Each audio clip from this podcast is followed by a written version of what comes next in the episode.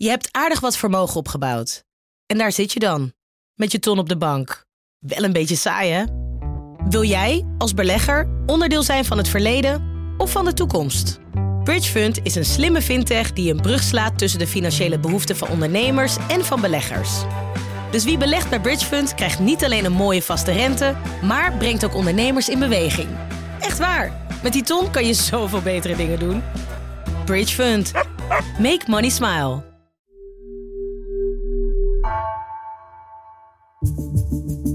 Vanaf de redactie van NRC het verhaal van vandaag. Mijn naam is Egbert Kalsen.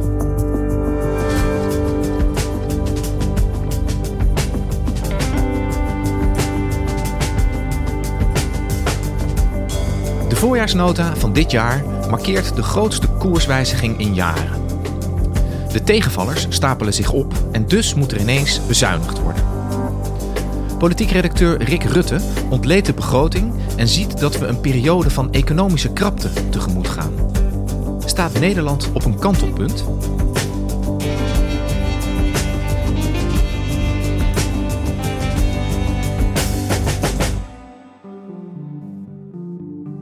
Afgelopen vrijdag kwam de voorjaarsnota uit. Dat is nou, jarenlang een vrij geruisloos moment geweest in het politieke en financiële jaar.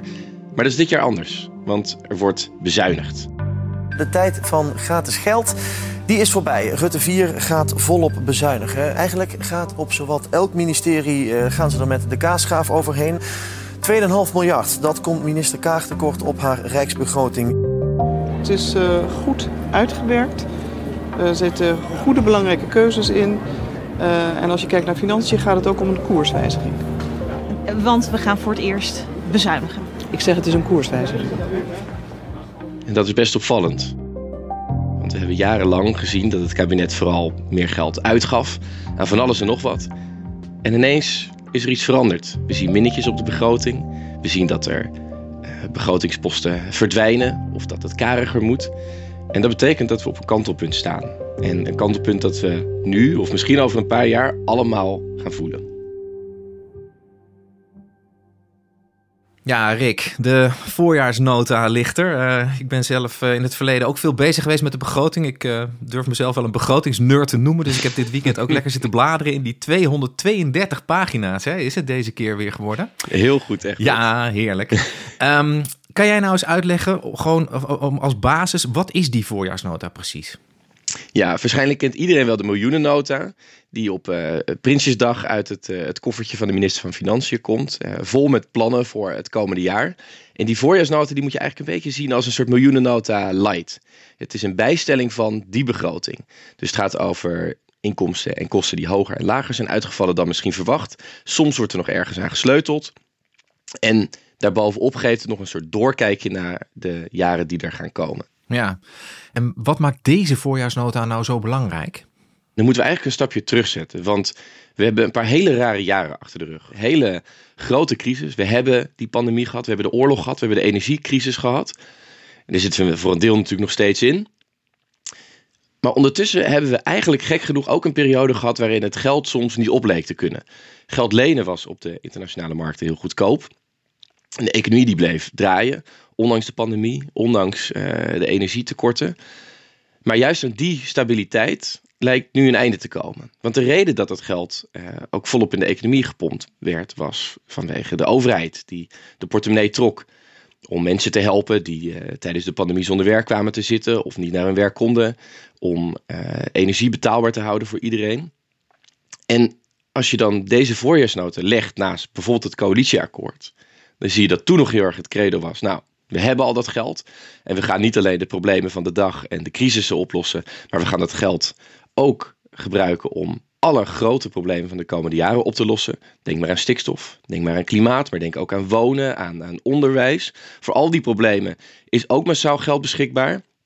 Nou, daar lossen we al onze problemen mee op als je dan deze voorjaarsnota erbij legt, dan zie je ineens dat het een heel ander verhaal is. Dan zie je ineens dat, uh, ja, dat er geld af moet in plaats van bij moet. En dat komt allemaal omdat dat geld lenen niet meer zo goedkoop is. En omdat het kabinet eigenlijk ineens het idee heeft dat ze tegen de limieten van hun eigen kunnen aanzitten.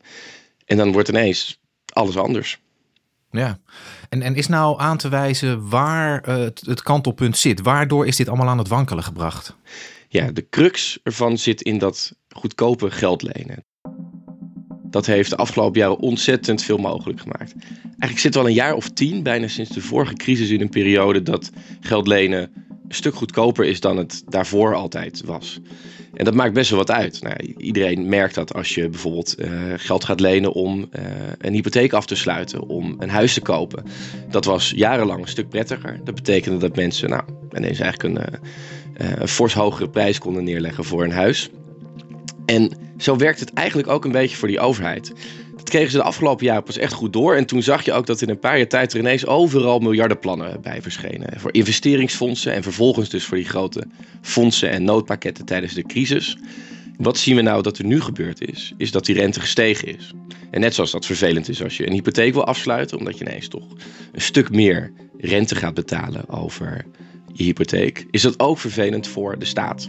Want die moet natuurlijk al dat geld voor die pakketten ergens vandaan halen. En ook dat geld was heel lang goedkoop, maar ook dat geld wordt nu een stuk duurder.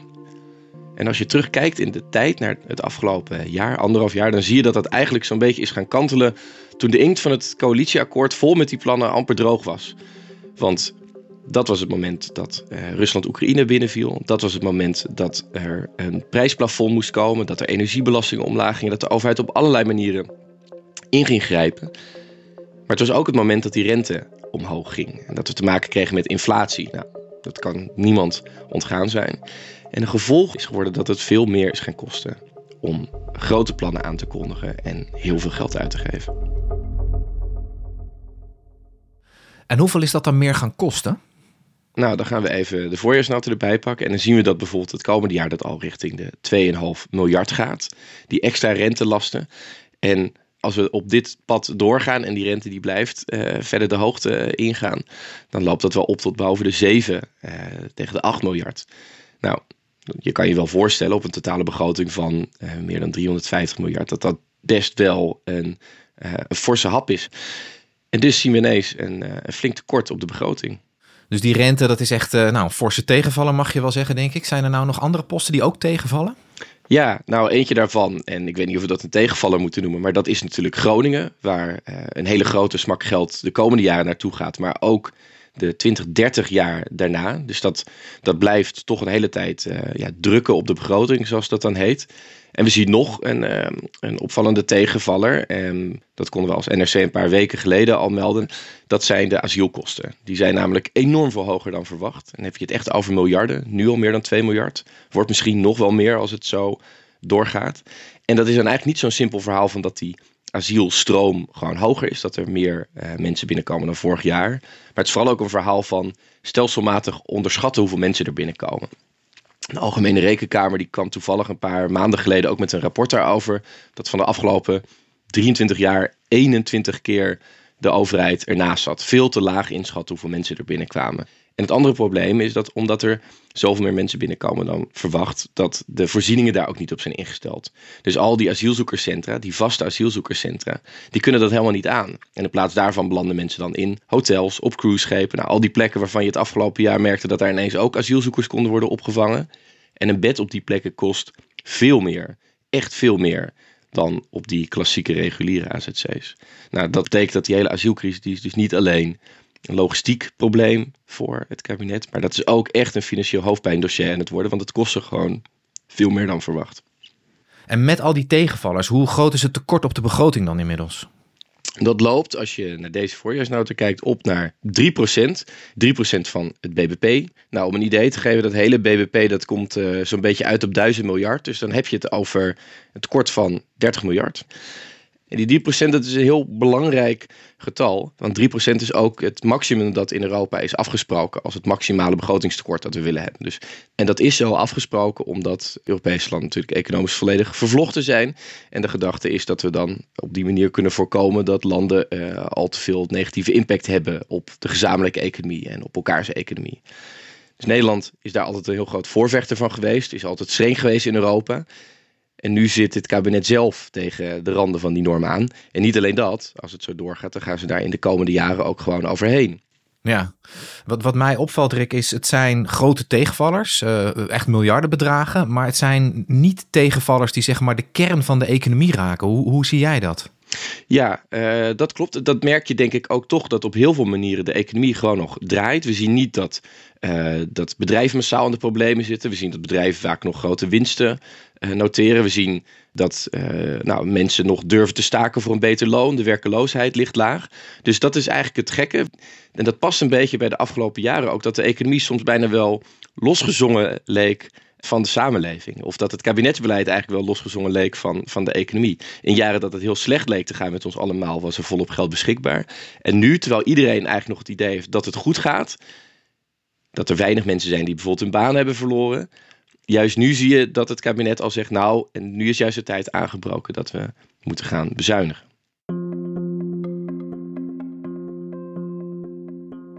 Flinke miljarden tegenvallers dus. Hoe gaat het kabinet die gaten die zijn ontstaan dekken? Wat, wat voor maatregelen gaan ze nemen? Nou, om te beginnen krijgt het kabinet niet al het geld uitgegeven dat ze klaar hadden staan. Al die grote plannen die er zijn, ja, die zijn soms zo groot. En uh, soms is daar lang niet altijd het personeel voor bijvoorbeeld, of de tijd voor om dat op tijd uitgevoerd te krijgen. Dus daar ligt nog wat geld over. Nou, dat is eigenlijk niet wenselijk, maar dat kan op zo'n moment toch van pas komen. Dan is er nog een grote kostenbesparing en dat is de kinderopvang, de bijna gratis kinderopvang, die zou over 1, 2 jaar al worden ingevoerd, maar dat wordt met twee jaar vooruitgeschoven. Het kabinet zegt dat dat is omdat uh, de opvangcentra nog niet genoeg personeel hebben om, uh, nou, om nu al de vraag aan te kunnen. Maar laat staan als het straks gratis zou zijn of bijna gratis, dan is de verwachting dat er nog veel meer ouders hun kinderen naar die kinderopvang willen sturen. Die kunnen dat helemaal niet aan, dus dat wordt uitgesteld. Maar het is natuurlijk ook meteen een besparing van een paar miljard. Nog een opvallende is uh, het schrappen van het stapbudget. Dat is een bijscholingsbudget waarmee je de afgelopen jaren tot wel 1000 euro kon aanvragen om een cursus te volgen. Maar nou, vanaf het begin was al duidelijk dat daar de gekste cursussen werden aangeboden en dat mensen die gewoon vergoed kregen. Ook dat scheelt zo 200 miljoen. Maar dan ben je er nog niet. En wat je dan ziet is dat het kabinet kiest voor een beproefde methode, namelijk de kaasschaaf. Dat betekent dat er van elk ministerie bijna wel een plakje af wordt geschraapt eigenlijk. Uh, en dat bijna elk ministerie op een manier wordt geraakt die je dan niet meteen ziet. Het is niet een hele grote bezuiniging. Maar het betekent wel dat overal gezocht gaat worden naar manieren om te besparen. Uh, bijvoorbeeld om, ja, uh, laat je de kosten meegroeien met de inflatie, laat je die oplopen. Of kun je toch ergens net wat bezuinigen op een, een ambtenarenpost of op een, een nieuwe weg, een stuk spoor. Nou, noem het maar op. Er zijn er wel wat uitzonderingen kleine uitzonderingen. En de meest opvallende daarvan is Defensie. Dat kreeg heel lang heel weinig geld. Maar dat is na de oorlog in Oekraïne volkomen omgedraaid. Blijft ook nu buiten schot. Maar verder, ja, bij bijna al die andere uh, posten wordt er, uh, wordt er uh, geschaafd en geschraapt. En gezocht naar manieren om iets te besparen. Dus zo'n kaasschaafmethode is ook altijd een manier om te verhullen dat je niet echt hele grote bezuinigingen door durft te voeren. Hè? Als je iedereen een beetje pijn laat leiden, dan hoef je nergens echt een keuze te maken. Ja, precies. Het is de ideale manier om te voorkomen dat er uh, één groep hard geraakt wordt die dan naar het Malieveld kan trekken en boos kan protesteren. Maar ja, uiteindelijk zul je het natuurlijk wel gaan merken. Uh, en helemaal als het dus niet alleen bij dit jaar blijft, maar als we de komende jaren nog op meer plekken gaan zien dat die, uh, die kaasschaaf er tegenaan wordt gegooid.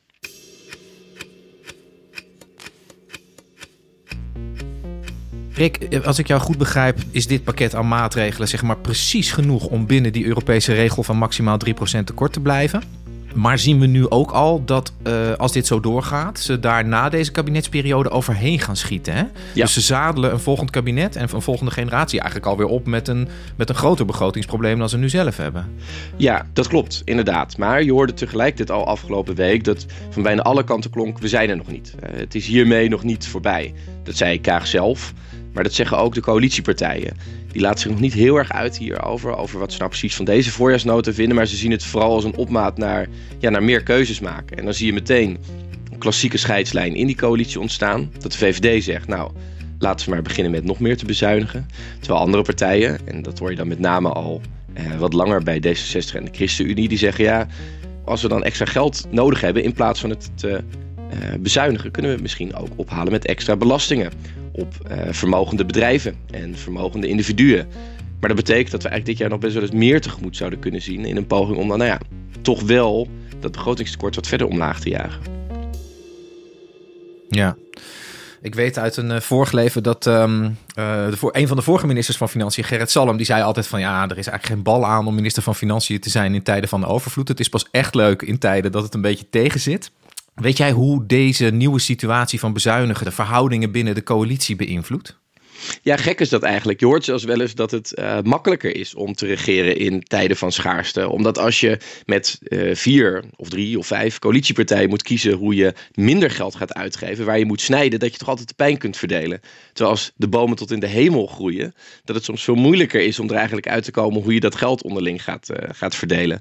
Ja, dat hoor je. Ik denk tegelijkertijd dat de afgelopen jaren ook wel eens echt een zegen is geweest voor dit kabinet dat dat geld zo beschikbaar was.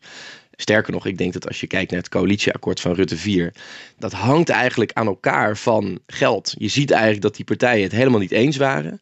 Je ziet dat ze over allerlei dossiers het heel moeilijk vonden om beslissingen te nemen. En wat hebben ze toen gedaan? Toen hebben ze ja, van de meeste grote uitdagingen van klimaat, van stikstof, van noem maar op gezegd. We stellen gewoon een heel hoog doel. We weten nog niet precies hoe we dat gaan halen, maar we zetten er wel een hele grote zak geld voor klaar.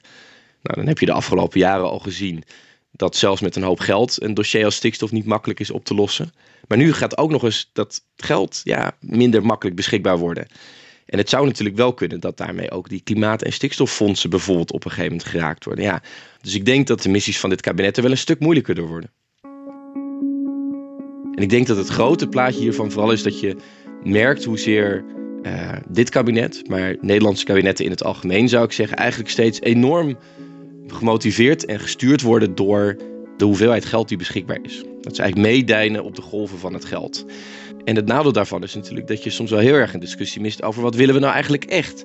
En dat is wel iets waarvan nou ja, je nu al aanvoelt dat dat dus de komende jaren weer het geval zal zijn. Dat beleid bij een kabinet als dit kabinet wel heel vaak gaat om hoeveel geld er beschikbaar is en dat dan een plan bedacht wordt. In plaats van dat het andersom zou gaan. Dat je eerst kijkt wat eigenlijk het plan is dat je wil uitvoeren. En dat je daarnaast gaat kijken hoe je dat kunt gaan financieren. En uh, je merkt bij dit kabinet dat ze daar nou niet echt een, een, een. Daar gaan ze in elk geval geen koerswijziging voor inzetten. Rick, tenslotte, we hebben het nu heel erg gehad over de financieel-economische kant en de politieke kant van die voorjaarsnota en de miljoenennota die eraan zit te komen. Is nou al te zeggen wat wij er als burgers van gaan merken dat we op zo'n omslagpunt zitten in de economie? Nu, vandaag of morgen waarschijnlijk nog niet zo heel erg veel. Uh, behalve bij die posten die echt zijn weggesneden, zie je dus dat die kaasschijf ja, er vooral voor zorgt dat er overal een klein beetje verdwijnt. De komende maanden en de komende jaren, dan wordt het echt interessant. Want de economie kan ook wel eens gaan veranderen. Dat we daar op veel meer plekken gaan merken dat die inflatie zo hoog is en hoog is geweest. Dat er toch banen gaan verdwijnen, dat mensen het in hun portemonnee gaan voelen. En dat het kabinet ook toch wel meer gaat bezuinigen. En als dat gaat gebeuren, als er dus inderdaad meer geld afgaat of als de belastingen fors omhoog gaan om een gat op de begroting te dichten, dan zou het wel eens heel goed kunnen dat we terugkijken naar dit moment. En dat we zeggen, ja, die, die week, die voorjaarsnota toen in het voorjaar van 2023, die heeft het verschil gemaakt. Die heeft het kantelpunt ingezet waar we ons nu in bevinden. Dankjewel, Rick. Ja, bedankt, Egbert.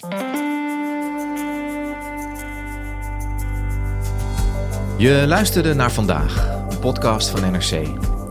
Eén verhaal, elke dag. Deze aflevering werd gemaakt door Nina van Hattem, Igna Schoot en Jan-Paul de Bond. Coördinatie Henk Ruigrok van de Werven. Dit was vandaag, morgen weer.